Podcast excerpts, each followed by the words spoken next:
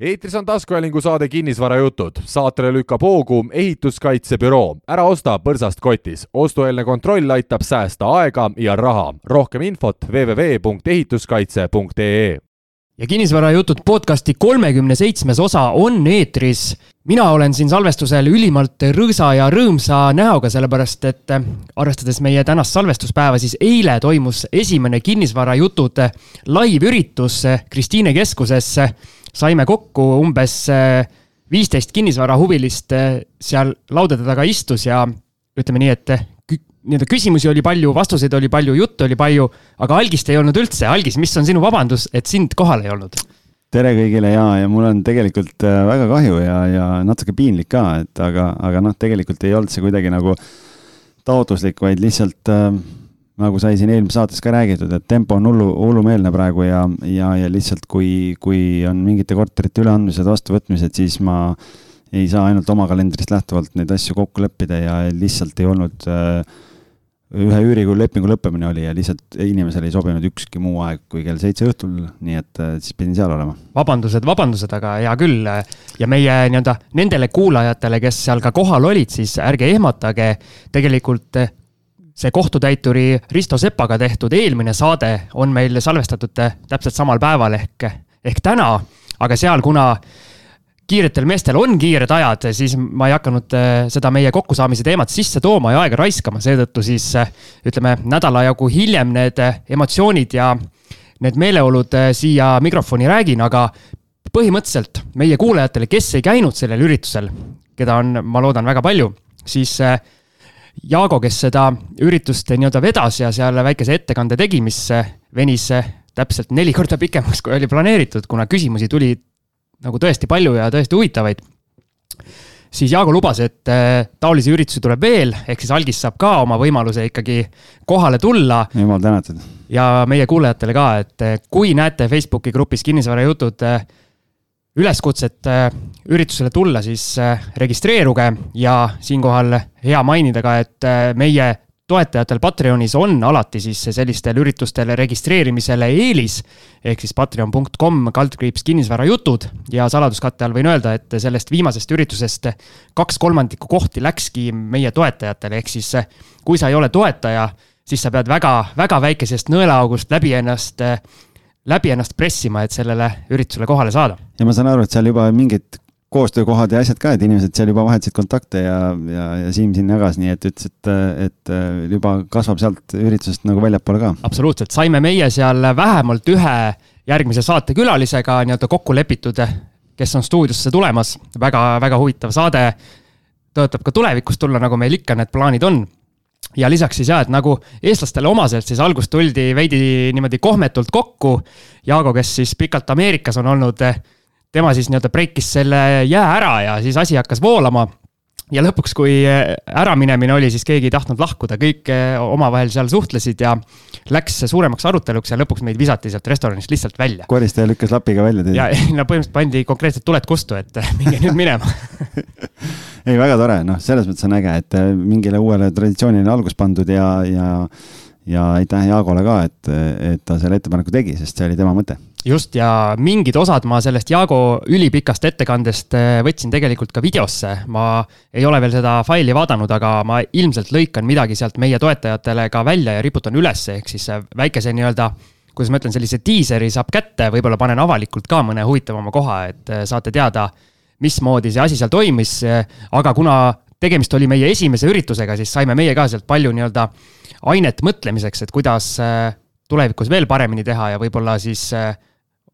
kohale tulnud inimestele veel rohkem väärtust pakkuda. no ja praegu on ju piirangud ka kadunud jälle, nii et, et siin nüüd võib igasuguseid üritusi teha, nii et, et selles mõttes on tore aeg on ees jälle. Algisel kadusid kõik piirangud selle juunikuuga ära, et mees isegi jättis pintsaku koju ja tuli rahulikult T-särgiga siia salvestusele. no eks siin tuleb äh, ilmale vastavalt kohandada, ega ei saa siin higistamas käia vot, ja see on väga hea nii-öelda sisend ka meie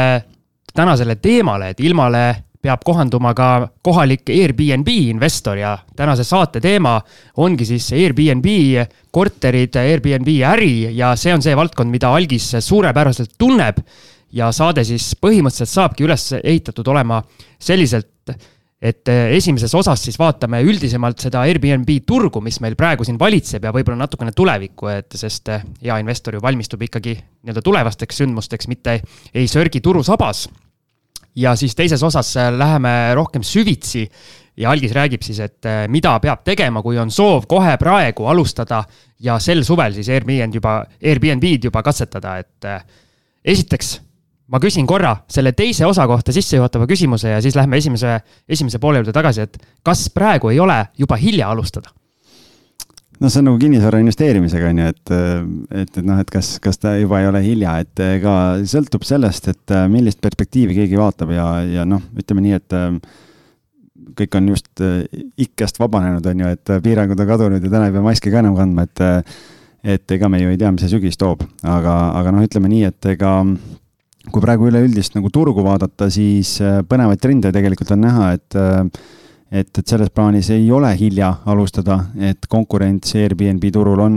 endiselt äh, oluliselt väiksem, kui ta oli siin veel eelmisel suvel või, või kaks suve tagasi. ja ma kaevasin natuke numbritesse ka ja vaatasin, mis need numbrid siis näitavad, et praegu on Tallinnas aktiivseid pakkumisi Airbnb-s tuhat kolmsada viiskümmend suurusjärk. noh, mõned peale, aga selles mõttes, et see on, nii et hoomata seda suurusjärku. tuhat kolmsada viiskümmend, eelmisel suvel oli kaks tuhat viissada. ja eelmine suvi oli siis koroona selle esimese laine järgne suvi? just. ja kaks tuhat üheksateist suvi oli kolm tuhat viissada. kolm tuhat viissada, kaks tuhat viissada ja tuhat kolmsada viiskümmend. ehk et see näitab seda, et ja see, mis ju juhtus, mida me oleme siin rääkinud viimased pool aastat, et või aasta aega, kõik kinnisvaraturu ülevaated hakkavad sellest, et äh, üüriturg on muutunud, sellepärast et lühiajalise üüriga korterid on läinud pikaajalise üüriturule. ja nüüd on tegelikult siis see koht, kus on, äh, turg on olnud, ma vaatasin siin terve seda aasta algust, et tegelikult on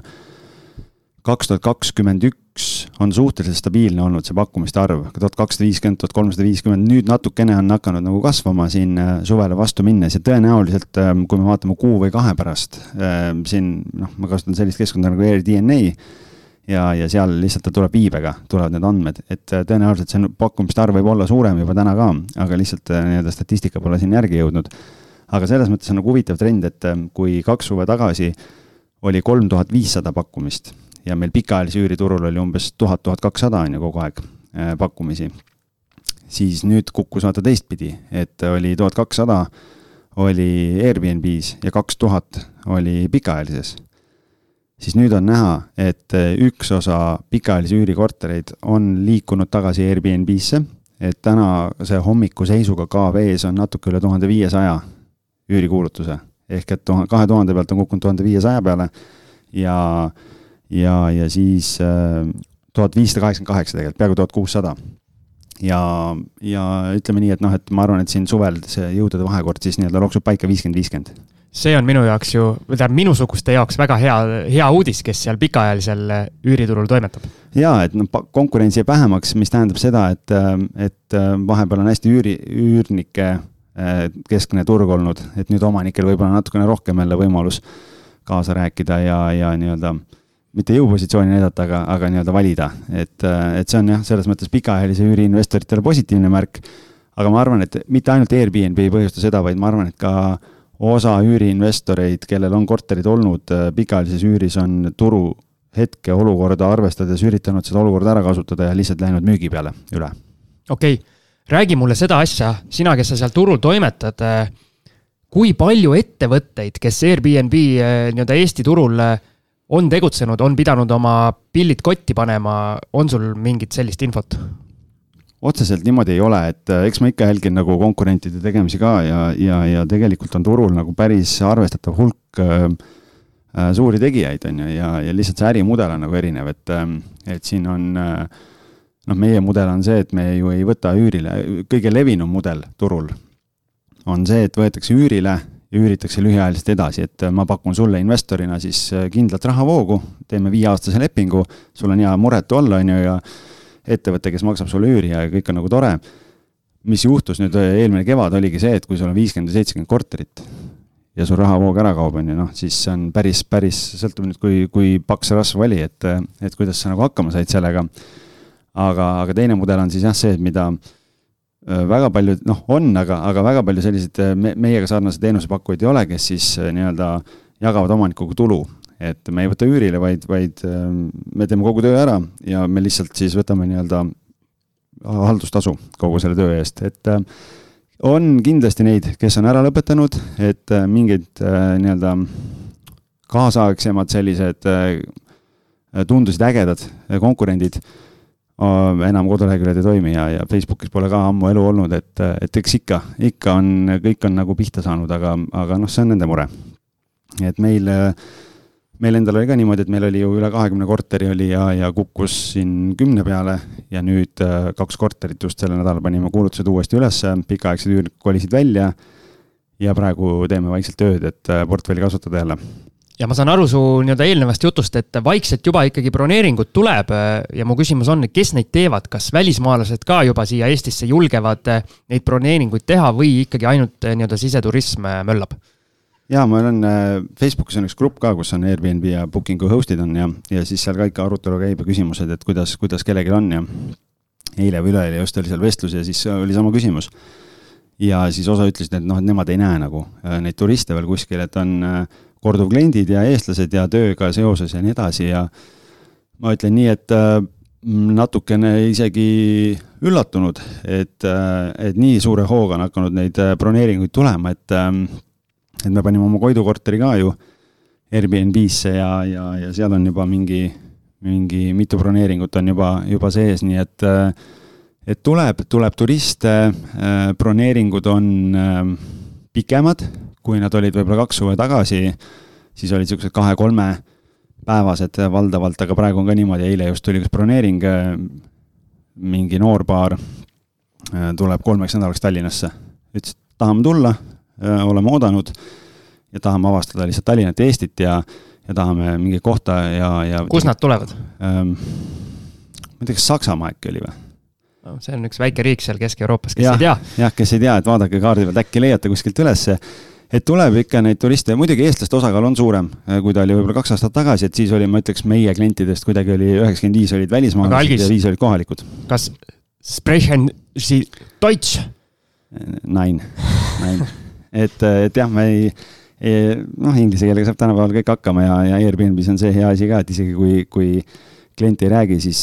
kui ta kirjutab sulle saksa keeles, siis seal on translate nupp ja Google teeb töö ära, nii et minul on kaks saksakeelset sõna keskkoolist meeles, üks on sauerkraut ja teine on tumpkopf, ära seda teist oma klientidele palun ütle. Ich liebe dich ei kasutanud tüdrukutega? okei okay., no siis Aga veel jõuad eh, kodus. Lähme nüüd edasi, kõiki kindlasti huvitab, eh, mis on juhtunud hindadega, et eh, koroona neid hindu nii-öelda kindlasti ribadeks kukutas, et kas on mingeid taastumismärke nüüd algavaks suveks? Nende hindadega on niimoodi, et ega kaks aastat tagasi oli ikkagi nagu väga hea aeg, et, et, et hinnad olid üleval ja, ja oli nagu selge vahe kõrghooajal ja madalhooajal ja noh, praegu on niimoodi, et, et me oleme ikkagi viimased aasta, natuke üle aasta aja äh, vegeteerinud nii-öelda varasema madala hooaja tasemel. ehk et hinnad madalad ja broneeringuid vähem aga nüüd, äh, ega ka eelmine suvi, tegelikult ka eelmine suvi oli enam-vähem, et inimesed olid äh, sealt esimese agoonia üle elanud ja, ja nagu oli, oli, oli ütleme, niisugune kuuskümmend, seitsekümmend protsenti varasemast hinnast, ütleme, oli võib-olla suvehinnad ja praegu sellele suvele panime julgema strateegia ja, ja kõrgemad hinnad kui eelmisel aastal ja põhjus on lihtne, et noh, näha on, inimesed on harjunud juba selle eluoluga, on ju, keda, keegi enam ei ole nii, nii hirmul ja, ja inimesed ootavad reisimist, et kui ma ise ka vaatan, ma ei tea, Instagrami ja Facebooki, siis minu meelest kõik tuttavad reisivad järsku, et ja, ja eks see välismaalastel on see ootus ju sama, et saaks minna. aga mul on äh,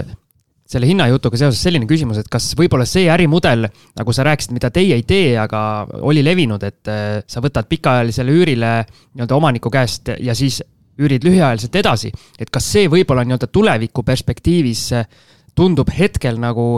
üsna hea mudel selles mõttes, et praegu saaks selle pikaajalise üürisumma ilmselt madalama, kui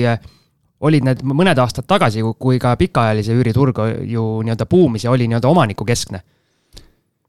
nojah, selles mõttes, et äh, ma ei oska nagu kommenteerida, vaata, ma ei ole nagu ma, ma keskendun meie ärimudelile ja kuidagi sellele, et, et mind nagu ma väga ei, ma ei pea seda teist mudelit väga nagu põnevaks kuidagi ja, ja ma ei ole sinna nagu sisse kaevanud, aga aga, aga noh, kui rääkida, kui rääkida nüüd konkreetsemalt nendest hindadest, et ma ei taha niisugune poliitkorrektne olla siin või, või mingi ümmargust juttu ajada, on ju, et noh, mul praegu veel ei ole eelmise või tähendab, mul nüüd ju mai, mai andmed veel ei ole ja juuni meil alles ju algas, et aga ma saan nii palju sulle näiteks võrdluseks tuua, et äh, eelmise aasta aprillis kõikide Tallinna keskmiste, korterite keskmine ööhind eelmise aasta aprillis oli nelikümmend viis eurot. sellel aastal oli viiskümmend neli, kakskümmend prossu on hind kõrgem kui eelmisel aastal, nii et, et see on nagu hea lähtepositsioon, kus suvele vastu minna. ja kui meil näiteks eelmise aasta juunikuus oli keskmine hind viiskümmend kaheksa ja meil praegu juba aprillis oli viiskümmend neli ja juulis oli ta kuuskümmend neli, siis tegelikult äh, ei ole, ei ole nagu üldse paha trend ja, ja lihtsalt võrdluseks on siis see, et kaks aastat tagasi suvel keskmine hind oli siin äh, seitsmekümne juures. nii et äh, praegu me oleme viiekümne nelja peal, et noh, tegelikult selles plaanis nagu ei ole, ei ole hullu ja mis tegelikult, miks ma, miks on nagu, miks me Siimuga arutasime, et võiks seda saadet teha üldse, ongi see, et, et kui keegi nagu mõtleb et mida teha, äkki peaks proovima, siis tegelikult praegu selles mõttes on nagu hea aeg alustada, natuke kaevan endale auku ka, on ju, et äh, mida rohkem konkurente tuleb, seda, seda raskemaks enda elu teed, aga aga tegelikult selles mõttes on nagu hea aeg, et äh, me oleme tegelikult turuga tagasi kuskil kaks tuhat kuusteist, kaks tuhat seitseteist, kui oli mingi tuhat viissada, tuhat seitsesada pakkumist, nii et äh, konkurentsi on vähem, see võimaldab küsida natuke kõrgemat hinda ja inimesed ootavad seda, et nad saaks liikuda, nii et, et ma arvan, et praegu on ülisoodus aeg äh, proovida. üldse mitte nii-öelda algisele reklaami tehe, reklaami teha tahtes, aga ma arvan, et investorid võiks mõelda selle peale, et äh, panna endal korralik selline lühiajalise rendiportfell kokku koos algisega ja anda see algisele ja, ja Kenile siis äh, majandada ja lihtsalt vaadata kaugelt, kuidas mõnusalt saab turistidele äh, head võimalust eh, pakkuda, kuidas Tallinna avastada? jah, no sellega on niimoodi, et, eh, et ehm, kui me alustasime kolm aastat tagasi, siis, siis ütleme nii, et, et kui tahta endale töökohta teha ja normaalselt teenida, siis üksinda suudab võib-olla niisugune kuni kolm korterit ära hallata, mingid osad võib-olla seal võtad kellegi appi koristama ka. aga kes tahab ikkagi nii-öelda passiivsemat portfelli üles ehitada ja, ja, ja, ja võib-olla sõltumata sellest, noh, kuna meie korterite tulemus on olnud, kui ma võrdlen äh, turu keskmisega, sissetulek on no, klientidel olnud nagu parem, noh siis sõltumata sellest et, et kaheksateist protsenti või kakskümmend protsenti või noh, et sõltuvalt äh, klientidest, portfellist ja kuidas, kuidas nagu on, peab nagu ära maksma haldustasu, et siis äh, siis lihtsalt äh, ei maksa nagu karta seda ja see on sada protsenti passiivne lihtsalt, et aga ma liiga praegu võib-olla nagu promo ei hakka tegema, et see ei olnud nagu selle saate eesmärk, et. Äh, seepärast lihtsalt... mina ütlesingi seda, et ma ei taha reklaami teha. jah, et, äh, et aga noh, see, see on jah, et kui pikka perspektiivi vaadata, siis äh, tegelikult, tegelikult on on seal jah, omad strateegiad ja asjad, et milliseid objekte valida ja millised objektid on siis nagu head ja, ja, ja kõik see pool ja tegelikult võib-olla võibki vaadata sinna ka sisse, et milliseid kortereid siis üldse Äh, täna äh, nii-öelda AirDNA-s äh, näitab, et milline see konkurents Tallinna turul on, et noh, ma peast võin juba öelda, et kuskil ma pakun, vaatame kohe, seitsekümmend protsenti tõenäoliselt on ühetoalised ja ülejäänud on siis kõik muu, et et see on ju teada-tuntud tõde, on ju, et väikesed korterid on kõige suurema tootlusega ja, ja eks need on nii-öelda kõige taskukohasemad ka ja praegu näitab siis niimoodi, et ähm, mm, jah, ühetoalisi kortereid, stuudiod ja ühetoalised moodustavad kokku äh, seitsekümmend kaks protsenti kõikidest Airbnb Tallinna korteritest, siis kakskümmend üks protsenti on kahetoalised, ehk see on kokku üheksakümmend kolm protsenti juba. kolmetoalisi on kuus protsenti, neljatoalisi on üks protsent ja viietoalisi on null koma neli ehk neljatoalisi korterid on kaksteist ja viietoalisi korterid on viis. see on, tead, seal on väga selge põhjus, miks see nii on. Ähm, seal on ühelt poolt on see, et äh, kui oli koroonaaeg, siis äh, suurte korterite järel nõudlust polnud, sellepärast pered ei, ei liikunud, ei reisinud, võeti töö jaoks mingeid ühe-kahetoalisi. aga, ja teine on see, et kardetakse, et on see oht, et äh, mingi Siimas Leedust koos oma üheksa sõbraga, on ju, tulevad siia ja siis panevad mingit hullu pidu ja, ja see risk on nagu suur. jaa, see risk on olemas, aga teistpidi on jälle see, et kui sa korraliku nii-öelda, korralikult oma kuulutuse üles paned ja ühe öökaupa ei võta näiteks, siis sa saad ähm, hoida seda riski miimi-, miinimumi peal ja tegelikult äh, meie kogemus enne Covidi aega näitas seda, et lisaks väikestele mikrokorteritele need neljatoalised suured, kus sa panedki kaheksa inimest, kümme inimest, äh, töötavad ülihästi, väga hea tootlusega. ma siin vahele ütlen seda ka, et eilsel meie kinnisvaraüritusel äh, oli kohal ka meie kahekümne teises saates käinud Marko Levtšenko, kes siis lühiajalist renti teeb Rakvere linnas ja tema ütles, et tema on küll päris rahul oma äh, nende broneeringutega ja tuleb sisse küll ja siis äh, seal äh, nii-öelda huvitavaid, huvitavaid lugusid ka mehel oli rääkida, et seal juba vaikselt äh, lõhutakse ka inventari, et juhtub ka neid asju. tead, sellega on päris huvitav olukord ja et vaata, inimesed kuidagi tundub, et hästi paljud reisivad, aga teistpidi on jälle üks osa neid, kes, kes võib-olla ei julge või ei tea, kas saab reisida või ei saa ja ja ma arvan, et Eesti siseturismil on sellel aastal ka kindlasti väga hea aeg, eelmine aasta oli ka ja kui ma ise praegu perega vaatan, noh, mul suur pere, et ega ma kuskile ühe või kahetoalisse korterisse ei mahu ja, ja kuskil hotelli ka ei kipu võib-olla kahekümne ruudu peale, et siis otsid mingeid ähm, natuke suuremaid variante ja planeerisime siin mingi puhkust, vaatame, kuidas välja tuleb, kas, kas saab puhata ka või ei saa. ja ei ole võtta, kõik on täis äh, vähemalt puhkemajade segment ja kõik see pool on nii-öelda ülikeeruline on leida või teine äärmus on see, et on ülikõrged hinnad, et äh, nii et, et ma arvan, et, äh, et eks me natuke ise loodame selle peale ka, et need inimesed ka, kes tulevad Tallinnasse, neil on ka ju vaja kuskil ööbida.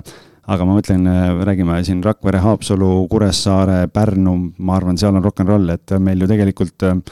Pärnust Einar Elbing käis ka ja, ja minu meelest tema on ka oma portfelli siin kasvatanud Pärnus, nii et tervitused Pärnusse ka ja, ja, ja ma usun, et, et, et tuleb põnev ja äge suvi kõigil. mul on siin hästi konkreetne küsimus ka nüüd sulle, Algis, et mis sa arvad sellisest ideest, et äh, mul on vanematel äh, Laemaa rahvuspargis selline nii-öelda maakodu, kus on äh, piisavalt palju või piisavalt suur maalapik, et sinna saaks teise maja nii-öelda juurde ehitada. nii, mina nüüd võtan kätte ja taon raha sisse ja panen sinna sellise väikese puhkemaja püsti, mis kõik nii-öelda vastavalt nagu seal Lahemaa rahvuspargis tohib, eks ja panen selle Airbnb-sse. see ei ole nüüd selline nii looduskaunis koht, et kuskil, ma ei tea, jõe kaldal või lihtsalt nii-öelda metsa sees, sealt kõrvalt läheb läbi Eesti kõige pikem äh, matkarada. ja hästi palju matkajaid äh, konkreetselt äh, sellest majast mööda, mööda kõnnib kogu see aeg. kas sellisel puhkemajal on Airbnb-s lööki või ei ole? kindlasti on, eriti nüüd siin viimase aasta valguses inimesed otsivad just seda võimalust, et kuhu minna, et olla privaatselt, olla metsas omaette. ja, ja lihtsalt seal on jah see, et noh, kui sa ütled, et vanemate Äh, kodu kõrvale või lähedale kuskile, noh siis seal peab olema ikkagi piisavalt palju privaatsust, et äh, ma ei taha niimoodi, et mul naabrimees seal lõhub puid või joob õlut äh, kuskil trepi käib peal. käib palja torsoga ringi mööda hoovi. et nagu ja vaatab, mida ma siis teen, on ju, et ma ikkagi perega lähen, siis ma tahan ju omaette olla, et, et selle, see tuleks nagu läbi mõelda, et oleks nagu ikkagi nii palju privaatne aga ma ütlen niimoodi, et ja mulle tegelikult helistas üks vana kolleeg just paar päeva tagasi ütles, et kuule, et mul on siin ülemusel on, on mere ääres krunt ja mõtles, et noh, et paneks kuuekümne ruuduse maja peale ja teeks Airbnb-d, on ju, mis sa arvad, on ju. ja ma ütlesin, geniaalne, noh, kui niisugune võimalus on, on ju, aga ma ütlesin, et miks siis kuuekümne ruudune panna, et, et võib-olla siis kaks kuuekümne ruudust või üks suurem, on ju, et noh, et kui, kui sa paned, sul on suur krunt mere ääres et kui sa paned kuuekümne ruuduse maja, siis et tõenäoliselt nagu minusugune kolme lapsega pere ei tule, sest meil jääb väikeseks. et äh, tee siis juba suurem, äh, sa laiendad seda segmenti, keda sa saad võõrustada, võib tulla Siim üksinda äh, kodukontorit tegema sinna, on ju, kui on rahakott on seljas või võib tulla ka väga suur pere, on ju, et selles mõttes on nii-öelda, tasub nagu hästi läbi mõelda siis, et mida ja kuidas teha. aga ma laiendan seda küsimust nii palju, et kas selline asi ka veel tänapäeval töötab, nagu võib-olla kunagi see Airbnb mõte oli, et ongi nii-öelda, nii-öelda hosting, et eh, justkui nagu kodumajutuseks, et eh, seesama mu isa näiteks kütab sellele nii-öelda kliendile ka nii-öelda sauna ja lähevad koos võib-olla mehed õhtul seal sauna ja võtavad mõne õlle ja nii-öelda räägivad neid külajutte.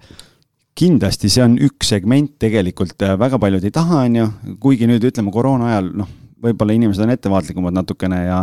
aga lihtsalt äh, tegelikult see oli ju Airbnb mõte jah, alguses, et sa lähed teise riiki, sind äh, võõrustaja võtab vastu, sa oled tema kodus umbes seal, tehakse süüa ja ollakse koos ja kõik see, õpid seda kultuuri ja kõike tundma ja et tegelikult ma arvan, et see on ühele osale inimestest kindlasti on niisugune väga suur lisaväärtus, et nad saavad tulla ja võib-olla teha koduõlut ja värki ja ja, ja kõik see pool on ju, ja tehakse mingit, ma ei tea, Eesti rahvustoitu veel sinna võib-olla ja noh, et aga see küsimus ongi kõigest selles, et kui sa täna plaanid nagu puhkemaja teha, siis ma olen ise nagu mõelnud selle peale tegelikult, kui ma, kuna me käime ka puhkemajades äh, puhkamas, siis ma alati vaatan selle pilguga, et okei okay,, et huvitav koha peal on ju, et äge krunt jälle siin kuskil mere ääres, noh, et mida ma ise teeks, kuidas ma teeks.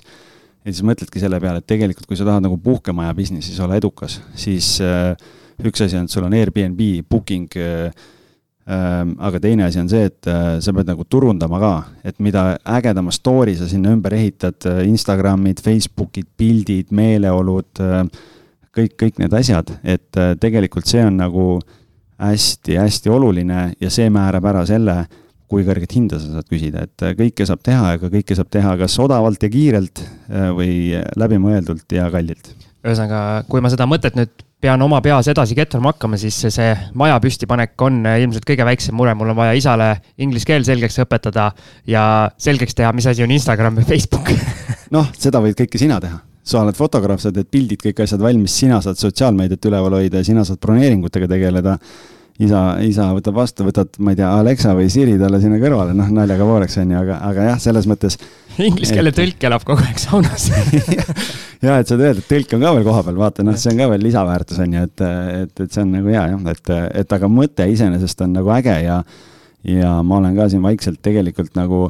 unistanud, et jube äge oleks, kui oleks endal mingi selline mm, suur, suur mõned hektarid maad kuskil väga ägedas looduskaunis kohas ja kõik, mida sinna teha, kõik erinevaid maju ja, ja lisaväärtuse kõik, ma ei tea, tünnisaunad, kõik asjad, et tegelikult annab ägedaid asju teha.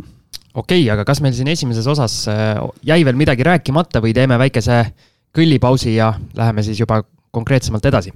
ma arvan, et jah, tõmbame korraks siit ja siis läheme juba kaevame sügavuti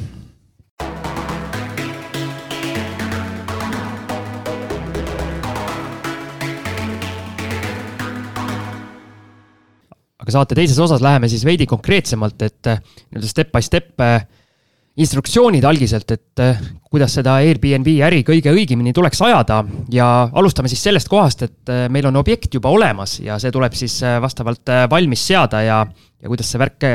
käima hakkab, Algis, anna tuld.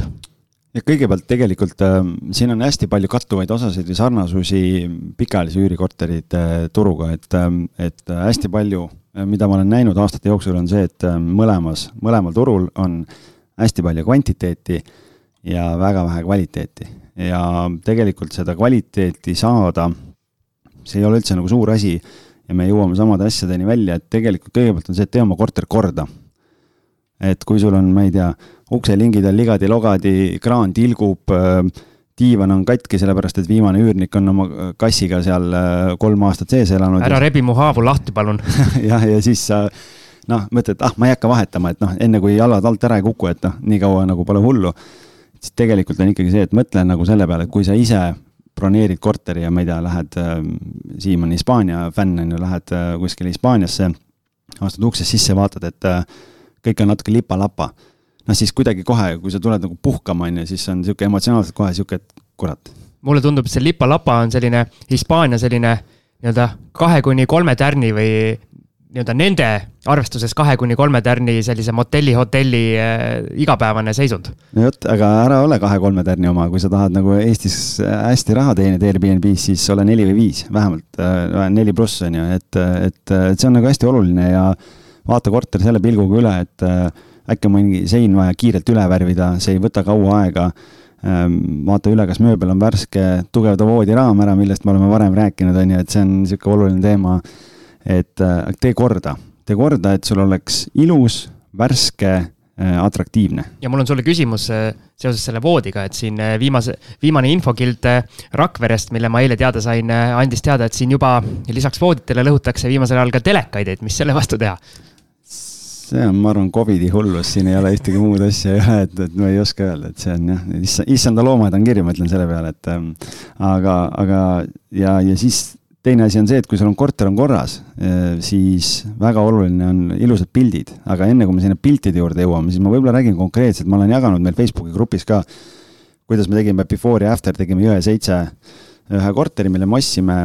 Äh, tegime kiire värskenduse ja sisustasime siis ta lühiajalise üüri jaoks vastavalt. Ja seal on nagu väga suur vahe, et see oli kolmekümne ruudune ühetoaline korter, mille siis klassikaliselt, kui sa annad ta pikaajalisele üürile, seal on kas voodi või on diivan, lahti käiv diivan, ehk sa paned sinna kaks inimest. no kui sa paned sinna kaks inimest, siis, siis tõenäoliselt sa suvel, kui ta on nagu heas korras korter, sa võid küsida täna selle eest sihuke nelikümmend kuni viiskümmend eurot öö, et sihuke kakskümmend kuni kakskümmend viis eurot nägu, noh, meie, meie ei tee näopõhist, et ei ole nagu inimeste arv ei loe, vaid ööhind. aga mõtle selle peale, kui sa paned äh,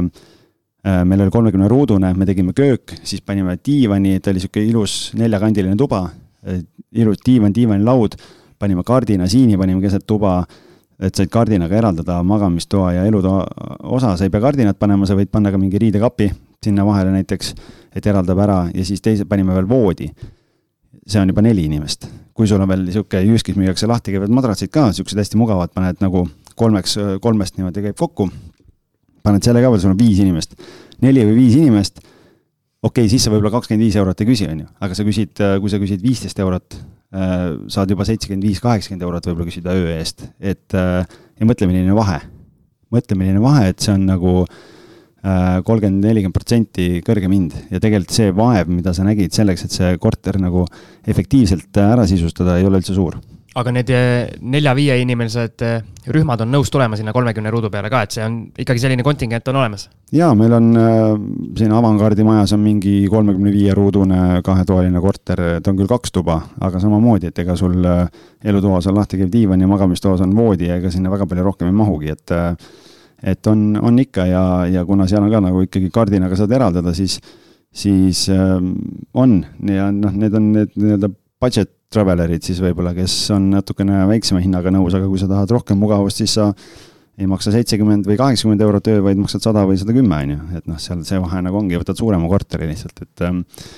et see on nagu, see on nagu selline oluline asi ja, ja siis on äh, hästi oluline läbi mõelda kõik sammud, et, äh, et kui sa nüüd mõtled, kas ma sellel suvel alustan või ei alusta,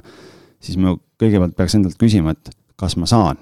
Äh, ja kas ma saan selles mõttes, et äh, see on aktiivne, see on aktiivne äri, see on aktiivne töö. et kui sul on ikkagi kuus sihuke, kalender on täis ja sul on seal kaheksa kuni kümme broneeringut näiteks on ju, kaks-kolm päeva iga broneering. kas sa saad olla kogu aeg kohal, koristada, äh, kas sa automatiseerid või annad ise võtmed üle kui klient tuleb öösel kell kaks lennuki pealt, on ju, kas sa saad temaga kohtuda, kui ei saa, kes aitab, kõik, kõik sellised asjad on vaja läbi mõelda, et kui sa plaanid kaks nädalat Saaremaal olla, et võib-olla sa pead panema kalendri kinni selleks ajaks, et kõik, kõik, kogu see eeltöö vaja enda jaoks nagu läbi mõelda. kus sa pesusid pesed, kui tuleb mingeid tagasilööke, kuidas sa lahendad neid asju. Ehm, et see pool ja, ja siis on, siis on nagu see, et ehm, pikaajalise üüriga võrreldes on vaja veel täiendavaid investeeringuid ka teha ja see nimekiri nendest asjadest mis korteris olema peab, on päris, päris pikk, et äh, ma võtan, ma võtan ühe faili äh, endale ette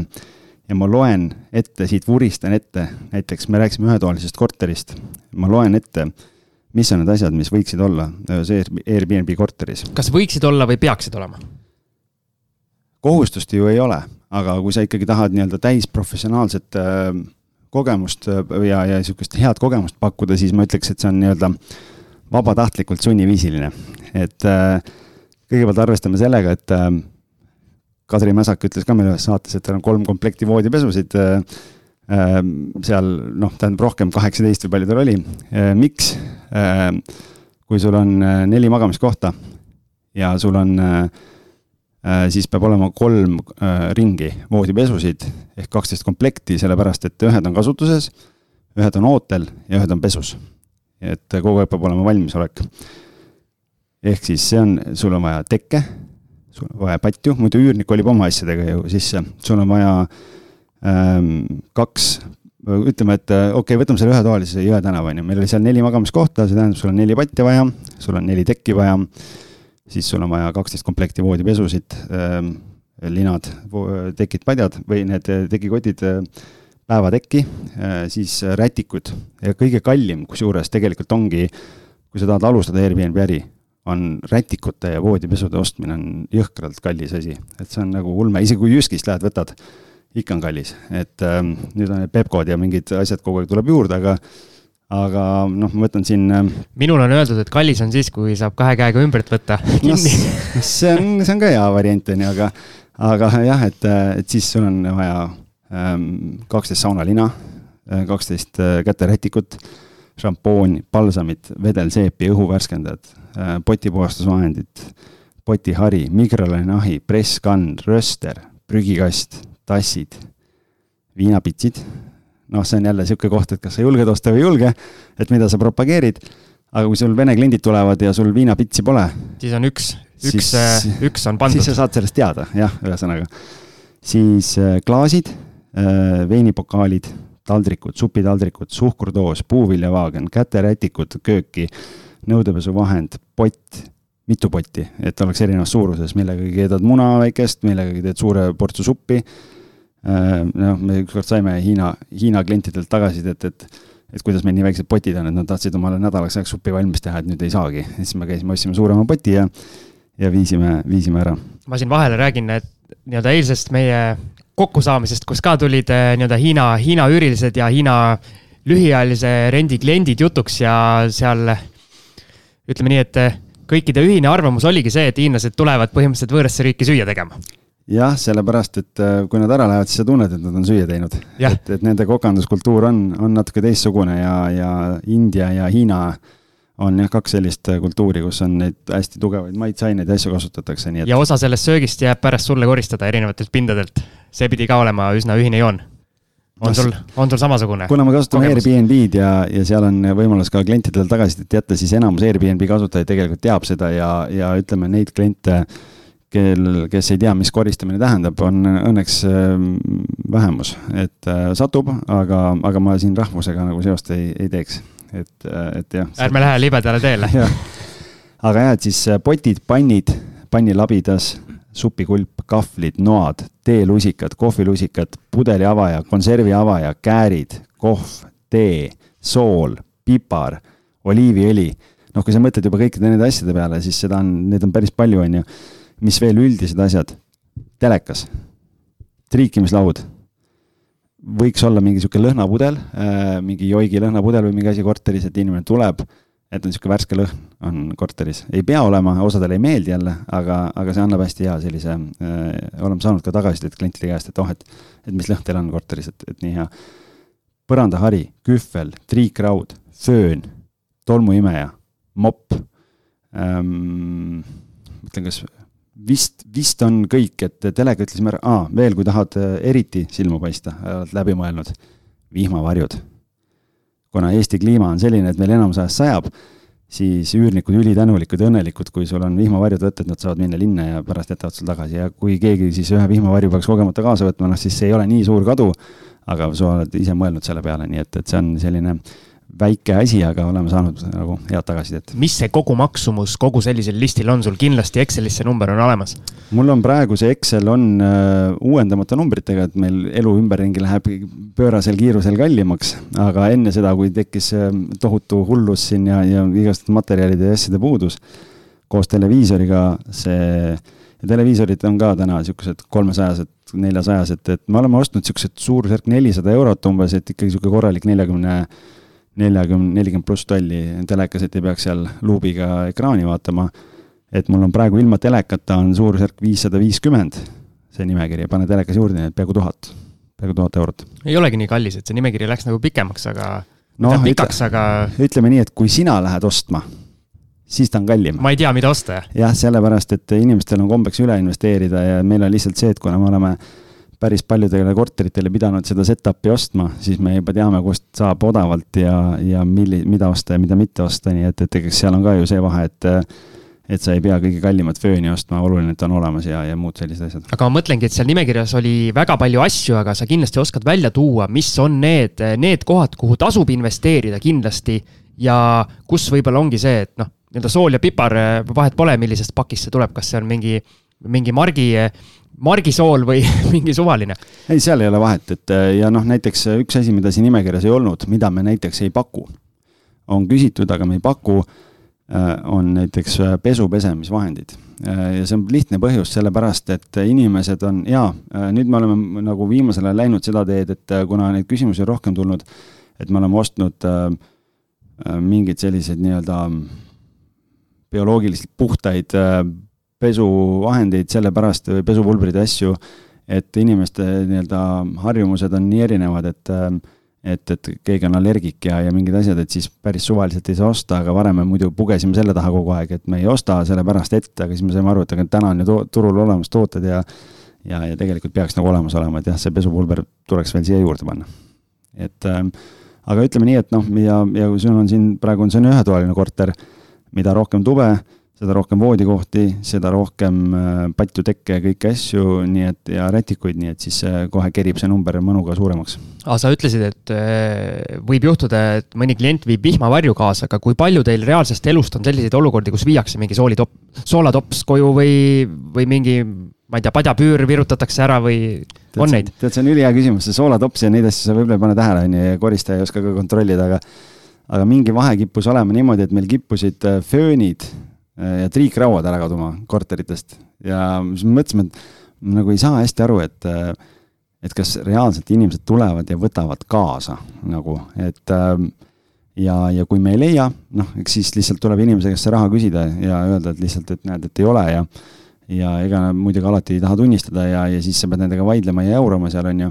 aga, aga noh, fakt on see, et, et neid on kaduma läinud, et telekat päris katki ei ole visatud ja ära ka viidud ei ole, aga, aga vihmavarju, need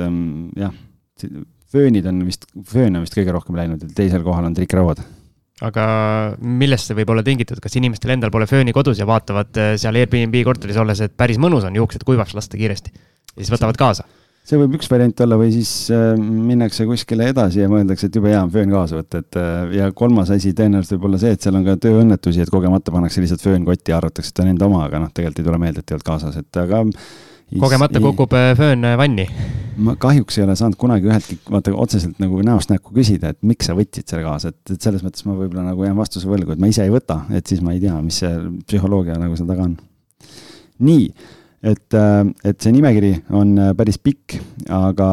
aga et see on nii-öelda see setup'i pool siis ja siis üks oluline asi on nüüd siis veel välja mõelda, millega peaks nagu arvestama, võib-olla on see, et et tegelikult äh, oli, meie oleme kasutanud kogu aeg seda automatiseeritust, et me inimestega näost näkku ei kohtu, sellepärast et inimesed saavad tulla endale sobival ajal, minna endale sobival ajal ähm, ja nad on võtme, me oleme kasutanud lockbox'i ja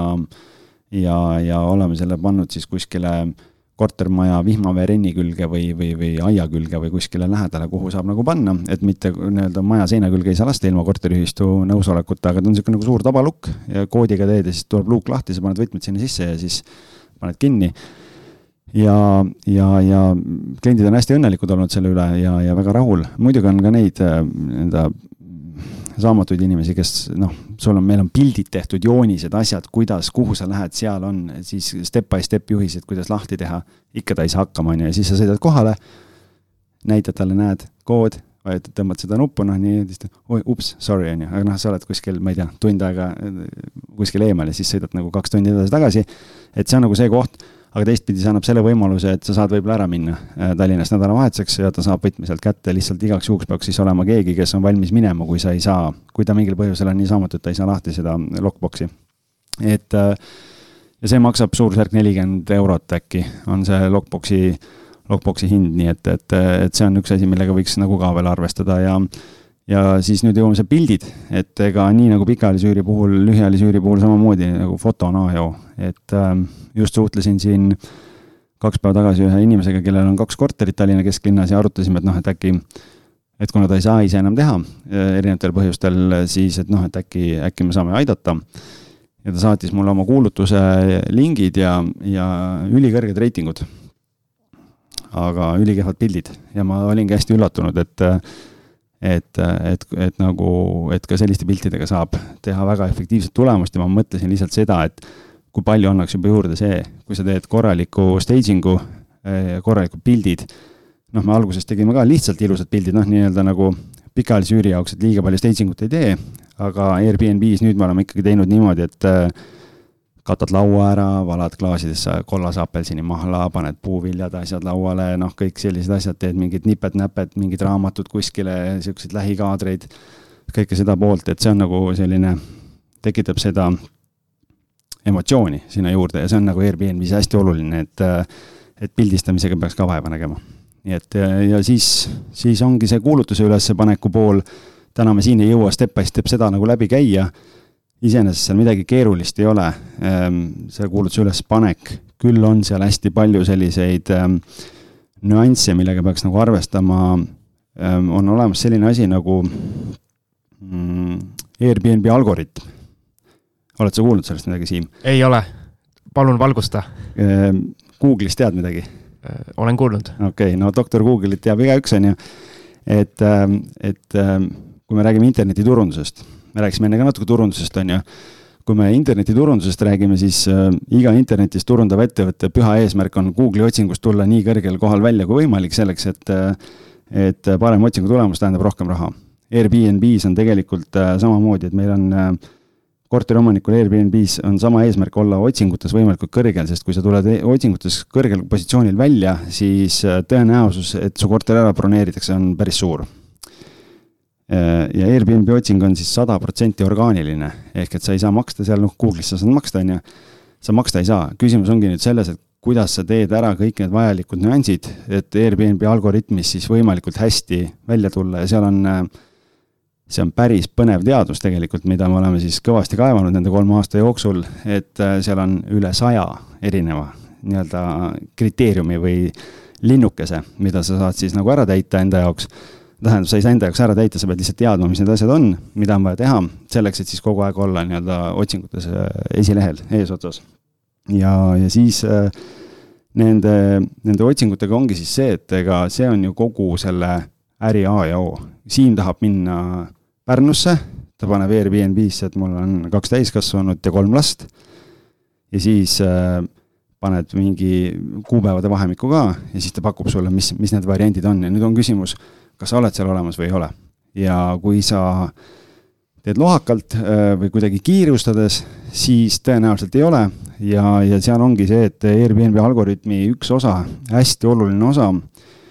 on näiteks see, et äh, kas sa kasutad ainult Airbnb-d või sa kasutad mitut. et sul on booking us, sul on Airbnb-s, võib-olla kuskil on veel, on ju, et sul on oma kodulehekülg ka ja sealtkaudu tuleb. ja see on üks põhjus, miks me valisime ainult Airbnb. Et äh, võib tunduda, et oh, ma panen Airbnb-sse, ma panen booking usse ja, ja siis on nagu noh, tuleb igalt poolt, aga, aga kui, nii kui sa paned, näiteks sul tuleb booking us tuleb kolmepäevane bronn sisse ja kui sa siis äh, paned Airbnb-s need kuupäevad kinni kalendris, algoritmis kohe kukud kolinal, kukud tahapoole, sellepärast et ahah, Airbnb vaatab, et sa ei ole mingitel perioodidel, su korter ei ole saadaval, järelikult ei ole nii atraktiivne, et, äh, et seda meil ei ole mõtet klientidel nii palju näidata. Et äh, väga väike asi ja sellepärast me otsustasime, et me teeme ühte asja, teeme nii hästi kui võimalik ja teeme siis, üritame seda algoritmi äh, ja neid kriteeriume nii, nii põhjalikult ja täpselt eh, nii-öelda järgida ja täita kui võimalik, selleks et oleks orgaanilises otsingus see kogu aeg nii, nii üleval kui võimalik. ja kuidas seni läinud on? tead, enda saba otsa ei taha ju kergitada, on ju, aga. no aga... nii, hakkab tulema, hakkab tulema, kuulajad, pange nüüd ennast valmis. ei, tegelikult lühidalt öeldes lihtsalt on see, et kui ma turu keskmisega võrdlen, siis, siis meie noh, seal on Airbnb-s on olemas niisugune koht nagu tulemuslikkus, kus sa saad vaadata seda, mitu protsenti sinu kuulutust on vaadatud, kui suur on siis nendest kõikidest, kes, kes su lehele tulid, kui palju on see protsendimäär, kes on broneeringu teinud. Ja selle järgi sa, seal on võrdlus ka, et sa saad võrrelda, ta näitab nagu market average'i ka sulle kõrvale. Ja meil on kogu aeg olnud keskmisest kõrgem ja ma arvan, et see ongi üks põhjus ongi see, et me oleme keskendunud ühele asjale ja me oleme, üritame seda teha nii hästi kui võimalik. aga kas Airbnb nagu ütleb ka sulle, et mis su kuulutusel valesti on või mis sul nagu need vead on, et sa saaks seda parandada või ongi sul vaja ikkagi nii-öelda kaevuda sinna algoritmi ja üritada läbi selle nagu aru saada, mis sa valesti teed? ega Airbnb ise mingist algoritmist ei räägi, lihtsalt kuna me oleme igasuguseid erinevaid koolitusi läbi teinud, siis, siis sealt on see läbi käinud ja sealt me oleme saanud seda sisendit, et tegelikult äh, noh, kes tahab guugeldada, te leiate infot Airbnb algoritmi kohta ja saate sealt, saate sealt seda põhjalikumat infot, aga aga ta pakub küll, et näiteks kui sul on, paned kuulutuse üles, sa mingeid asju ei pane, siis ta küsib näiteks, et ma ei tea, kas sul on, kas sul on äh, Äh, lauanõud olemas või, või, või on sul tasuta parkimine, et sul ei ole seda kirjas ja mingid asjad ja noh, näiteks ma eile just käisin, vaatasin, ma kogu aeg uuendame neid ja vaatame, et kõik oleks nii-öelda äh, up to date kogu aeg, siis oli nii, et, äh, et meil on kesklinnas üks korter, kus ei ole parkimist, aga seal lähedal on tegelikult nagu tasuta parkimistsoon ja siis ta küsib, et Airbnb küsis et mõned sinu külalised on märkinud, et korteri lähedal tänavatel on tasuta parkimisvõimalus, et kas see vastab tõele, siis ma panin jah, et siis nad jälle nii-öelda uuendavad omal mingeid asju seal, nii et, et ta ise aeg-ajalt pakub küll mingeid asju, jah. Nii, aga kui me räägime sellest Airbnb algoritmist ja, ja kõigest sellest poolest, siis Siim, kas sul on praegu küsimusi, tundub, kui sa peaksid täna oma äh, Kristiine korteri ülesse panema. aga kui ma paneks Vaida korteri ülesse? no edu sulle. jah, et tegelikult selles mõttes nali naljaks, et ega Tallinnas on ka siin Nehatu piirkonnas nii-öelda on olnud kortereid Nõmmel, Pirital, Viimsis, Kakumäel, et äh, noh, Vaida jääb natukene võib-olla kaugemale. Aga, aga noh, ma täna vist ei ole ühtegi atraktsiooni peale sinu enda, mida seal nagu vaadata võiks, on ju, nii et, et selles mõttes ma väga palju kaarte sinna ei paneks, et ainukene argument, millega sinna klienti saada, on on viis eurot öö, aga, aga siis see on tore hobi, millele sa peale maksad. täielik pettumus, ma olen viiskümmend minutit eh, siin eh, stuudios algise neid tarkusi kuulanud ja mõtlesin, et kasutan need Vaida korteri juures ära ja selline pettumus. oot, aga tegelikult jube hästi hea, et sa selle välja tõid, sest kui ma nüüd ütlesin, et noh, et paned viis eurot öö ja siis üks oluline asi, mis pead ju meeles pidama veel, on see, kui sa oma kalkulatsioone teed näiteks, on see, et et kui sa vaatad, et okei okay,, ma panen sellise ööhinna, Äh, siis kas, seal on võimalus veel panna kas koristustasu, paned eraldi või ei pane. Äh, ja siis on see, et kui sul pikaajalise üüriga, üürnik maksab äh, oma interneti ja kommunaalid, siis lühiajalise üüriga on see sinu enda kanda. Et kui sa nüüd arvestad, et okei okay,, ma muidu pikaajalise üüriga teenin selle ühetoalisega Tallinna kesklinnas nelisada eurot, on ju, nüüd kui ma panen ta Airbnb-sse, ma ei tea, teenin kaheksasada või teenin tuhat eurot, võtan sealt maha tuhat eurot Äh, kui ma teen ainult suvel kolm kuud, tuhat eurot pean sisse panema, kolm sotti võtan maha kuu kohta sealt, äh, võtan interneti maha, võtan kommunaalid maha, et palju mul jääb, kas mul tuleb võitu, ei tule, et sealt peabki vaatama nagu seda, et, et kas on lühikene perspektiiv või pikk perspektiiv, et, et sellepärast see stardikulu, näiteks mingid kliendid, kes on meilt küsinud, et kas me kolme kuu võtame, teeme ainult suve, siis ma olen öelnud, et äh, ma ei saa võtta, ma tahaks, aga ma ei saa, sest sinu stardiinvesteering on nii palju kõrge,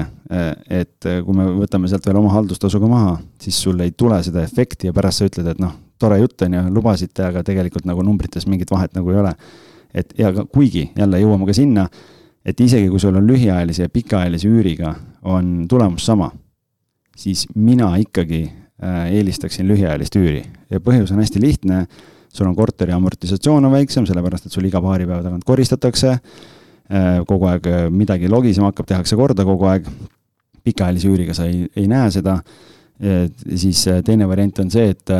oht sattuda mingite kahtlaste üürnike otsa on väiksem, sellepärast et isegi kui sul satub mingi pidutsejate kamp, siis ühe või kahe päeva pärast on nad läinud sealt, aga kui sul satub see Vasja, kes iga reedest pühapäevani paneb öösel kella neljani, noh siis see on nagu hullem variant võib-olla, on ju nii et, et ja, ja seal on ka see, et sa saad kogu aeg seda korteri osas siis otsustada, mis sa teed. kui sa mingil hetkel näed, et ikkagi jah, see tulemus ja vaev, et see aktiivne töö ei tasu ära, sellepärast et tulemus on sama, siis loogiline, et sa paned pikaajalisse, sellepärast et noh, see on passiivsem, on ju. aga kui sa teenid rohkem natukene, teenid sada eurot, kakssada eurot kuus, teenid juba rohkem, aasta lõikes arvutad ära, tegelikult see tootluse vahe tuleb päris suur. et, et noh, see on jälle nii-öelda igaühe oma kalkulatsioonide koht, aga tuleme nüüd tagasi selle juurde, et et võib-olla sellest otsingust natukene, et kui, kui, mis see algoritm ja kõik see nagu tähendab, on see, et selleks, et mis määrab ära selle, kui kõrgel sa otsingutes välja tuled Airbnb-s. esiteks on see, et on reisija vajadused, loomulikult noh, kui Siimul on vaja kolme, kolme magamistoaga korterit, noh siis sulle kahetoalisi ja ühetoalisi korterid ju ei, ei näidata, on ju, aga küsimus ongi selles, et äh, milline see korteri setup on, et kas sul on voodid kõikides tubades, kuskil on diivan, kuskil on madratsid noh, inimene jälle vaatab, et okei okay,, et, et, et milline see kvaliteet on, siis on äh, üks asi on asjakohasus ehk et äh, kõik muud asjad, et sul on oluline, et on kiire internet, äh, parkimisvõimalus, kõik need osad. siis broneerimise lihtsus, seal on, see on hästi oluline koht jälle, et äh, soovitan, kaks varianti on, me alguses ise kartsime natukene ja mõtlesime, et noh, et selleks, et filtreerida ja valida võimalikult häid kliente, meie Airbnb-s on olemas selline asi nagu instant book, ehk et kui Siim tahab minu korterit broneerida, siis tal on võimalus valida kuupäevad, vaatab, et ilus korter, paneb broneeri kohe ja, ja on broneering tehtud. teine variant on see, et äh, sa teed request'i ja mina host'ina pean siis ära kinnitama selle, ma vaatan üle, et ahah, Siimul on null review'd, on ju, midagi ei tea tast, on ju, tundub sihuke kahtlane vend ja siis ma ütlen, et ei, ma ei võta sind. Et tee, et ja see, kui sa paned, kui sul on instant book on peal, see on jälle üks hästi oluline osa Airbnb algoritmis, ehk et sa usaldad seda, et, et tulevad nagu head inimesed ja sa ei, ei pabista üle. sest üks linnuke, mida sa saad veel panna, on see, et et näiteks, et, et peab olema külalisel teiste host'ide poolt soovitus, et jah, nad soovitavad, et seda inimest võib võõrustada aga kui sul on hästi palju uusi kasutajaid, mida täna tuleb Airbnb-s, siis nendel ei ole seda soovitust ja siis need inimesed jäävad kohe välja. Ehk et kui sa ajad ikkagi nii-öelda kõrget hinda ja kõrget täituvust taga, siis äh, neid limiteerivaid kriteeriumeid peab olema pandud nii vähe kui võimalik. et, et see on see, millega peab nagu arvestama. huvikuulutuse vastu on hästi oluline asi. huvikuulutuse vastu määrab ära see, kui ilusad pildid sul on kui sul on äh, tehtud seebikarbiga pildid ja pime on, on ju, noh siis tõenäoliselt ei, ei vajuta sinna kuulutuse peale. algis elab mingi aastas, ma ei tea, üheksakümmend kaheksa, seebikarbid pole ammu enam teemaks. siin on palju võimekamad karbid on, mis pilti teevad. kellelgi kindlasti on, nii et aga täna tehakse muidugi telefonidega väga palju, aga siis ongi see valgustuse vahe, et, et noh, sa võid telefoniga mina teen telefoniga pilti ja sina, seal on vahe sees, vahet ei ole, et äh, asi ei ole telefonis, vaid oskustes. jah ja asi on telefonis jah, ja siis on äh, teiste tagasiside ka, review'd on hästi olulised, inimesed loevad, äh, mis tagasisidet on jäetud ja vaatavad, vaatavad, äh, mis on need plussid-miinused ja kui on mingid negatiivsed olukorrad, siis on küsimus, kuidas sa host'ina reageerid, on ju, et kas sa saadad selle inimese sinna pikalt ja pimedasse või, või vastad talle viisakalt, on ju, ja, ja, ja kõik, kõik need asjad, nii et, et see on nagu selline, selline hästi oluline koht, nii et ja, ja kui sa alustad oma uue korteriga nüüd suvel, siis eesmärk on saada võimalikult kiiresti kolm review'd ja, ja kolm või viis broneeringut, nad muutsid seda kriteeriumit, et äh, pigem alguses soovitan äh, panna esimeseks paariks nädalaks äh, natuke soodsam hind, turu keskmisest natuke soodsam, ähm, saad ju mingeid pakkumisi, asju vaadata seal ja vaadata, mis hinda küsitakse, ja paned natuke soodsama, et saaks võimalikult kiiresti need linnukesed täidetud, sest kui sul on äh, broneeringud tehtud, äh, review'd on paigas, siis sa tõused algoritmi tulemusel jälle kohe otsingus ettepoole. mina kui täielik lühiajalise rendi diletant küsin, et kui nüüd sul klient, näiteks esimene klient käib ära, kas sa saad kuidagi nii-öelda nõuda talt ka selle re review kirjutamist või see on äh, nii-öelda rangelt äh, vabatahtlik? ja see on vabatahtlik ja, ja tegelikult see on, kuna ma olen siin Airbnb koolitusi ka teinud ja, ja seal on teisi host'e ka ju käinud ja siis, siis tegelikult oli meie, meil on selline asi, et meil on automatiseeritud üldse kogu suhtlus, et kui Siim teeb broneeringu, siis meil, me kasutame sellist programmi nagu iGMS, et äh, see maksab, maksad seal iga korteri eest, maksad teatud summa neile ära iga kuu, aga siis sa saad step by step nii-öelda teha kõik, äh, kõik sammud ja need on valmis nii-öelda sõnumid kõik. et kui sa teed päringu näiteks, siis meil läheb teade, et see on automatiseeritud vastus, vastame esimesel võimalusel, on ju Äh, kui ta teeb broneeringu ära, siis läheb järgmine info. Ähm, kui, kui on üks päev broneeringuni äh, eelmisel õhtul, siis läheb check-in info välja. kui klient lahkub, äh, tähendab siis broneeringu viimasel õhtul läheb te näiteks teade välja õhtul kell üheksa. tuletame sõbralikult meelde, et homme kell kaksteist on check-out, kui te lähete, pange võtmed sinna ta, ta, ta, ta, ta, ta, ta. ja siis tund aega pärast check-out'i ehk kell üks läheb automatiseeritud äh, sõnum välja, mis ütleb seda, et äh, aitäh veel kord, et te meie korteris äh, valisite oma Tallinnas viibimise ajaks. loodame, et kõik oli tore ja meeldis ja me oleksime väga tänulikud, kui te jagate oma kogemust ka teistega ja kirjutate meile viie tärni tagasiside. me küsimegi otse, et me tahame viie tärni tagasisidet. ja siis osa õhust ütles mulle selle peale, et noh, et see on nagu kerjamine. aga ma ei tea, kas te olete tähele pannud, et kui te käite ostate kuskilt e-poest või, või käite kuskil, siis äh, tulevad emaili peale teile, et noh, et palun hinnake meie klienditeenindust ja kõike seda poolt, et et kui see nagu tavaäris on normaalne, et tahetakse tagasisidet, et oma teenust parandada, miks mina host'ina siis ei või sedasama asja küsida ja, ja töötab ülihästi. kui palju see protsent umbes on, kes teil selle review lõpuks kirjutavad? ma ei ole niimoodi vaadanud seda, aga, aga kui meil ei olnud seda, siis tuli nagu üsna vaevaliselt ja aga nüüd on ikkagi niimoodi, et kui, kui automatiseeritud teade välja läheb, siis siis äh, kui kliendil vähegi ühtegi kobinat ei ole, siis nad reeglina kirjutavad ära, et äh, ja see aitabki kasvatada seda review'de hulka ja miks see on oluline küsida ise seda viie tärni review'd on sellepärast, et äh, mõtlen selle peale, et sul on viis bronni olnud või, või kümme, kõik on viied. Ja siis tuleb mingi douchebag, kes ühegi asjaga rahul ei ole, tegelikult kõik on täpselt nii nagu teistel, on ju ja paneb sulle mingi täiesti arusaamatul põhjusel, noh, värske näide, üks klient äh, äh, jäi check-in'iga hiljaks kaks tundi ähm,. ta oli kolm nädalat sees ja eelmisel õhtul läks talle meeldetuletus veel ja me ei saanud teda kätte kaheteistkümnest kaheni, kell kolm tuli järgmine kolmenädalane broneering sisse. Check-in'i või check-out'iga? Check-out'iga hiljaks, et ta pidi kell kaksteist välja minema, meil oli kolm tundi aega, et korter koristada, ette valmistada, järgmine kolmenädalane broneering tuli. Telefonidel kätte ei saa Airbnb sõnumitele ei vasta. lõpuks meil ei jäänud muud üle, noh, koristaja läks korterisse, vaatas, kedagi ei ole. Ehm, ja, ja seal juhtus veel selline kurioosne lugu ka, ma räägin selle siia kohe ära siis. korteris oli nelja Eesti alaealise lapse passid ja üks õpilaspilet. Kas see tekitab sinus mingit kahtlust siin või ei tekita?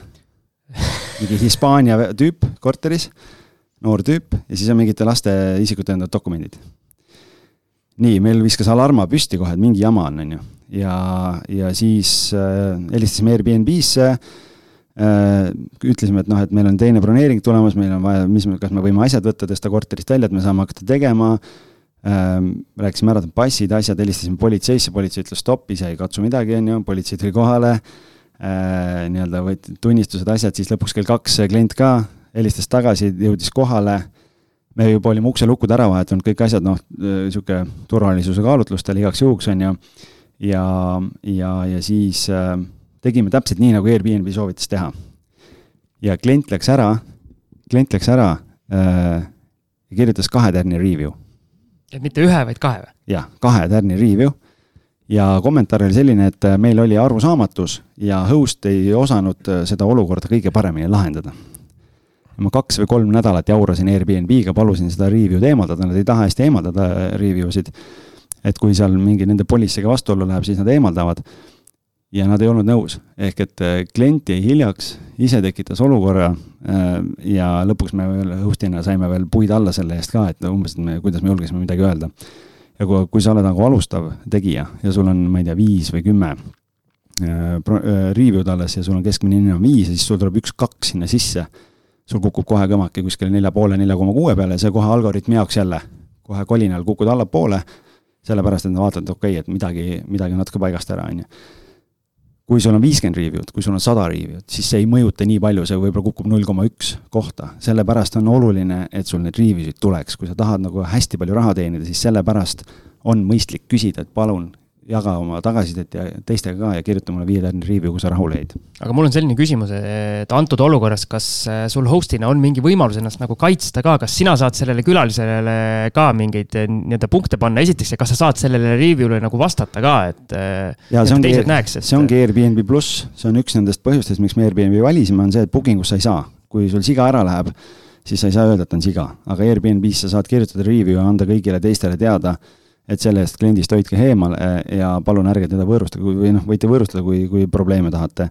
et sa saad samamoodi talle jätta tagasiside ja sa saad tema review'le vastata ka. Ja siis ma kirjutasingi sinna selle, kogu selle olukorra lahti, ütlesin no, talle ilusti viisakalt, et noh, et et, et olen ma jultunud inimesi näinud, aga, aga noh, selliseid tüüpe nagu sina kohtab nagu väga harva. Ja ma ütlesin, et ära palun edaspidi Airbnb-d kasuta ja, et mine hotelli aga mis nende, nende passide ja, ja selle asjadega sai siis? ma ei tea, politsei tegeleb selle asjaga ja me ei, me ei ole tahtnud oma nina sinna rohkem pista, et see ei, on nii-öelda teiste, teiste inimeste asi ja, ja ega nad ilmselt ei annaks ka infot meile, nii et, et ma ei teagi, mis sellest saanud on. et selline natukene reaalsest ikka elust tõmbame ikka nii-öelda duši ka, nii et ega ei ole ainult siin äh, lust ja lillepidu, et tegelikult tuleb ikka selliste, selliste probleemidega ka tegeleda ja, ja, ja siis äh, noh, Airbnb algoritmist me rohkem ei räägi, et sellest me oleme hästi palju rääkinud ja, ja veel, mis on võib-olla oluline teada, mis on täna sinu eelis, kui sa alustad oma Kristiine korteriga, on see, et sinu uued kuulutused, mis pannakse üles Airbnb-sse, äh, selleks, et aidata uutel võõrustajatel paremini startida, siis uued kuulutused saavad kohe alguses otsingu tulemustes hea positsiooni endale. ja siis ongi küsimus selles, et kui hästi sa suudad ja oskad seda võimalust ära kasutada, saad kohe viie tärni review'd, asjad kõik, algoritmi asjad on kõik täidetud, et jääda sinna etteotsa, et see on siis juba sinu enda, enda teha, et ja, ja, ja kõik peab siis olema nagu läbimõeldud. ja natuke numbreid ka, sina kui fotograaf, ma otsisin sulle eraldi välja, et kui palju mõjutavad fotod näiteks sinu kuulutuse edukust ähm,. Airbnb on teinud uuringu, et need, kellel on professionaalsed fotod, Airbnb pakub ise ka seda võimalust, et sa saad tellida nende kaudu. USA-st lendab mees kohale tead, ma ei, ma ei ole nagu uurinud, kuna meil on ju siin Liis ja, ja teised ägedad fotograafid on ju, et siis, siis äh, me oleme nii-öelda kohalikule turule truuks jäänud, aga seal on äh, muidu Airbnb kaudu peaks olema võimalus tellida ka. ja see on jälle algoritmi osas tegelikult üks sihuke oluline koht, mida nad ise tahavad nagu push ida. aga, aga me seda ei ole nagu vajalikuks pidanud, et ähm, kakskümmend neli protsenti rohkem broneeringuid tuleb, kui sul on professionaalsed fotod. ööhind mis see on siis, minu matemaatika ütleb, see on iga neljas broneering on äh, nii-öelda rohkem tänu piltidele. just, just. kõrgem ööhind, kakskümmend kuus protsenti kõrgem ehk neljandiku võrra. ja kokkuvõttes see kõik kokku tähendab kuskil nelikümmend protsenti suuremat sissetulekut kui siis, kui sa teeksid äh, suvaliste fotodega. nii et, et see näitab seda, et investeeri võib-olla seal seitsekümmend või sada eurot ja, ja tegelikult tulemus võib olla päris, päris märgiliselt erinev. sina kui tippmaakler, mis sa arvad kui palju võimsam see vahe on võrreldes näiteks pikaajalise üüri või siis näiteks korteri müügi puhul, et kui palju seal need pildid mõjutavad versus see lühiajaline üür? tead, ma toon sulle näite elust enesest, et äh, kuidas pildid mõjutavad ülipalju. ja mm, see on praegu, see on äh,, jutt käib konkreetselt ühest minu enda objektist äh,, mis on müügi, müügikuulutus. sa oled seda kuulutust näinud ka üks, mul on üks korter müügis, mis on äh, väga kehvas seisukorras ja kola täis. ja selleks, et omanik ütles, et noh, et paneme ülesse, et äh, ma teen korteri tühjaks, aga noh, läheb aega natukene. Ma ütlesin, et okei okay,, et noh, ma teen praegu telefoniga pildid ära, me saame alustada, aga esimesel võimalusel ma tahan tulla, kui korter on tühi, teha profi, fotograaf tuleb, teeb pildid ära, et seal on vahe sees. ja jah ma nägin seda kuulutust ja ma isi-, ma imestasin, et äh, miks sa panid nii kehvade piltidega, noh yeah.. nagu selles mõttes kehvade piltidega, et nagu sinu tasemelt vaadates kehvade piltidega kuulutuse üles, ma ei, ma ei mäleta, kas ma küsisin ka sult. jaa, küsisid, küsisid jaa, et, et mis värk sellega on, et nii kehvad pildid on, et ja, ja no ma näen seda vahet, et hind ei ole, jaa, võib-olla natuke on kõrgem, kui ta võiks olla, aga ta ei ole nii kõrge, et seal ei võiks käia vaatamas või pakkumisi teha, on ju. aga keegi ei helista. Ja ma just eile kirjutasin omanikule, et kuule, kuule, kuule, et nagu kaks nädalat on läinud juba, et, et noh, kauem, nii, mul pole mõtet niisama nagu nende piltidega ei ole mõtet hoida, sest ma ei, ma ei taha nagu, mul on mingi level, mingi välja kujunenud standard, et ma ei taha nagu alla selle standardi hoida, et noh, siis ma võtan korra lihtsalt maha ja ootame, kuni sa saad välja kolida ja, ja asjad ja siis, siis nagu hakkame uuesti. et on vahe sees, on nii üürikuulutustel, müügikuulutustel, Airbnb-s, igal pool foto on A ja O, nii et see on see koht, kust ei tohi kokku hoida. nii Äh, natuke paar asja veel ja siis hakkame otsi kokku tõmbama, et, et ega siin, äh, ma arvan, siin kui, kui on nagu kellelgi soovi, et võib-olla peab huvilised kokku korjama ja võib-olla eraldi koolituse tegema, et, et siis saab nagu kaevata sügavuti ja, ja natukene pikemalt, et siin muidu läheb jube monoloogiks. ja Algis siin lubas tegelikult meie Patreoni toetajatele ka ühe väikese boonusosa ka Airbnb teemal, et äh, jah, tegelikult oli mõte ja, et võib-olla räägime sellest siis, et kui kellelgi satub selline klient, nagu see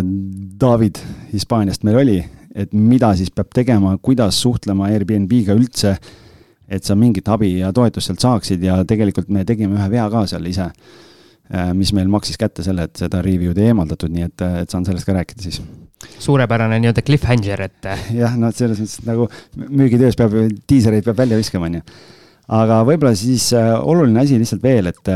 et me nendest lisamugavustest äh, Äh, rääkisime enne, et need lisamugavused, äh, mis on ka nagu oluline, mis aitab jälle otsingutes ettepoole tulla, on, on kõik täpselt needsamad asjad, et äh, et kas sul on, ma ei tea, kas sul on saun, on sul mullivann, kas sul on olemas veekeet ja söögi tegemise võimalus, kas sul on olemas triikraud korteris, kas sul on kiire internet või ei ole,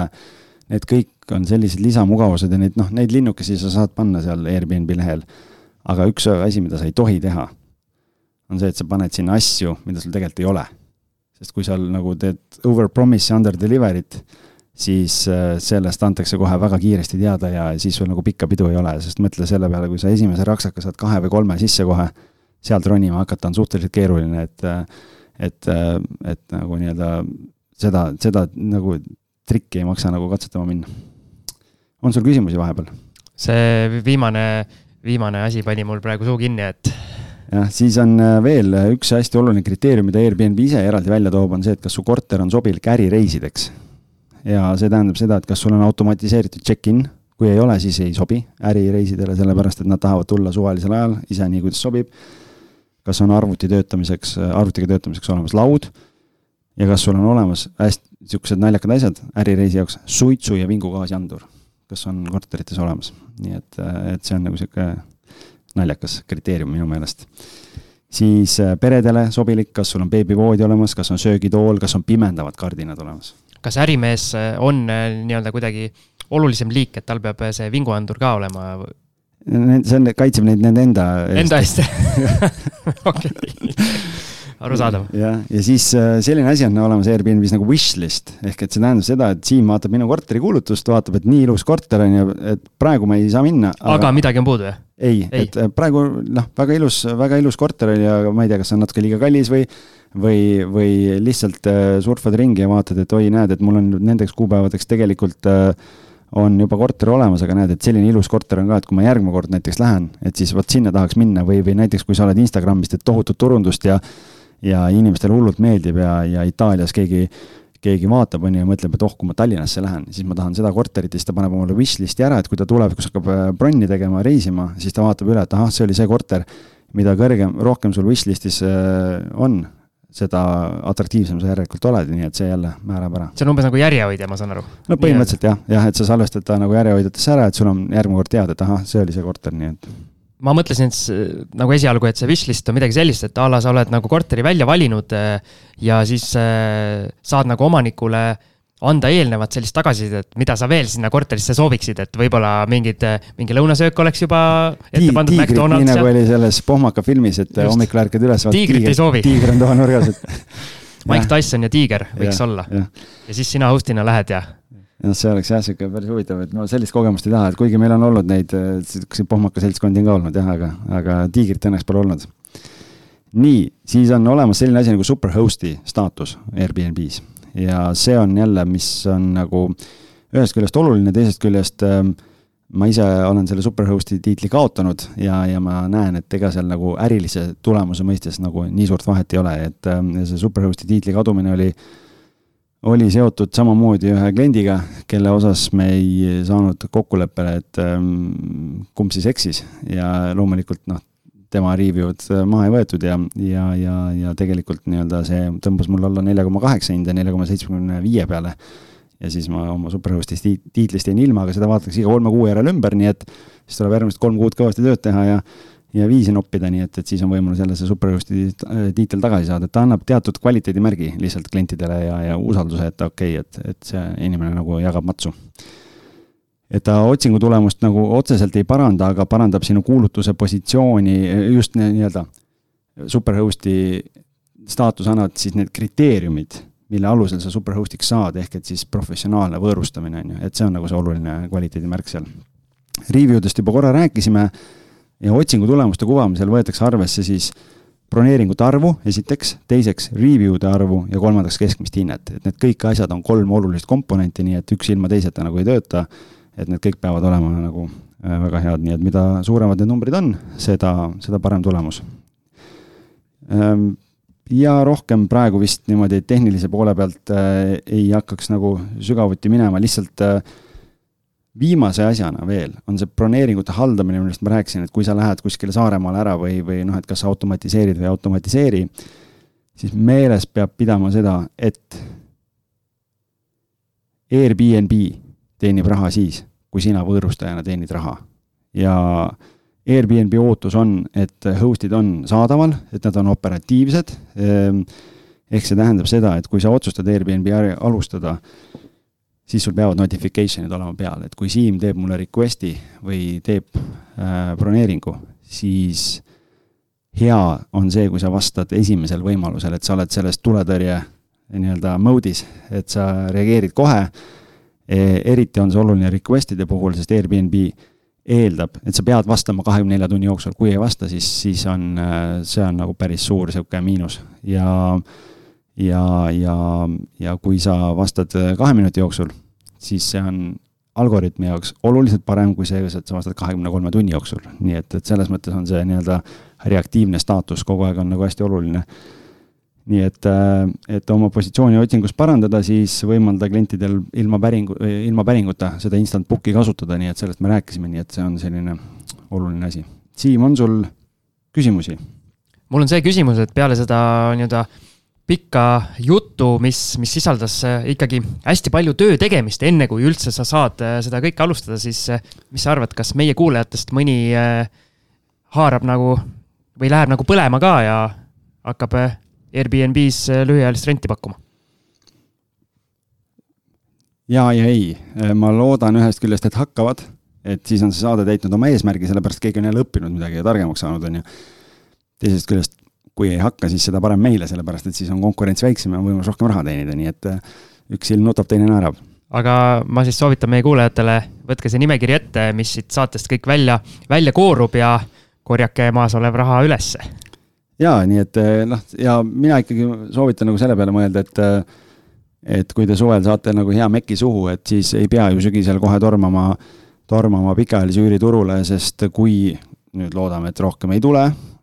ja nii-öelda elu on normaalne jälle edaspidi, siis äh, järgmine kõrghooaeg on detsembri algusest kuni jaanuari keskpaigani. Äh, jõulud, jõuluturg, aastavahetus, jaanuari alguses on venelaste jõulud, nii et ja, ja tegelikult miks meie teeme kolmsada kuuskümmend viis päeva aastas seda äri, hästi lihtne põhjus. madalhooajal sa teed tööd selleks, et kõrghooajal noppida kõige rohkem raha turul. ehk et äh, sa kogud review sid, sa kogud neid broneeringute arvu, äh, seda keskmist hinnet, kõike seda, et sa laod seda vundamenti ja siis suvel paned kreem de la kreem ja nii-öelda vaatad, et äh, pangakonto kasvab ilusasti, nii et, et see on see eesmärk, et mõlemal hooajal on oma eesmärk ja strateegia. minu vaade on see, et nii-öelda häid tulemusi tehaksegi siis, kui alustatakse, siis kui teised ei julge, et praegu võib-olla see kriis oli ära ja kõik veel ei julge sinna lühiajalise rendi poole vaadata. jaa, ma olen nõus, sellepärast et kui sa praegu alustad, on tuhat kolmsada, tuhat kolmsada objekti, praegu alustad, siis sa oled juba, mõtle, kui pika sammu sa oled ees, kui nüüd elu näiteks normaliseerub, on ju, ja, ja rohkem mingeid jamasid ei tule, siis aasta pärast, kahe pärast sa võid olla kindel, et see number on kaks tuhat, kolm tuhat, rohkem ehitatakse siin üürimaju ja ja, ja igasuguseid ägedaid arendusi tuleb kesklinna ja, ja sinna sadama või sinna mere äärde ja et sa võid arve, arvestada sellega, et kui ühel hetkel on kaks tuhat viissada, kolm tuhat kuulutust, aga sa oled aasta või kaks turul olnud ja sul on nagu sada review'd ja, ja keskmine hinne on väga kõrge, siis sa oled seal algoritmis väga hästi ennast sisse töötanud, nii et, et see annab selle eelduse, et see vundament on nii kõva laotud, et sa teenid oluliselt paremini kui need inimesed, kes alles alustavad ja hakkavad seda nii-öelda vundamenti laduma. aga super, minu meelest oli väga huvitav saade, loodan, et ka kuulajaid see paelus ja mõni siis leiab tee ka lühiajalise rendiärisse või need, kes seda juba teevad, et siis said ka kas siis mõtteid või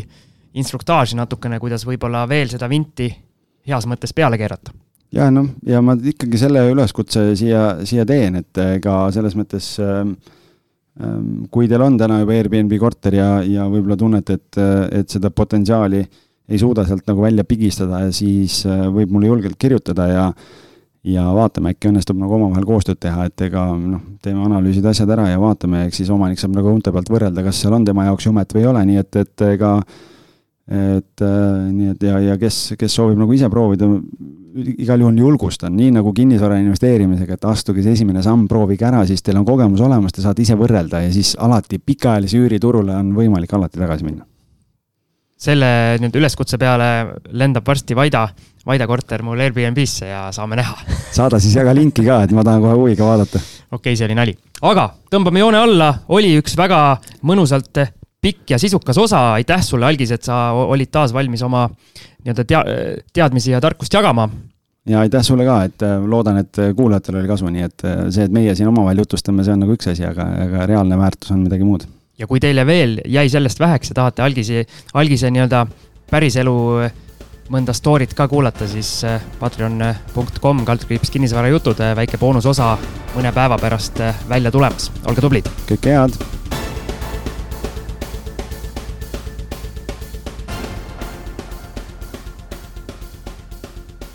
kinnisvara ostueelne kontroll aitab säästa aega ja raha. vaata lisa www.ehituskaitse.ee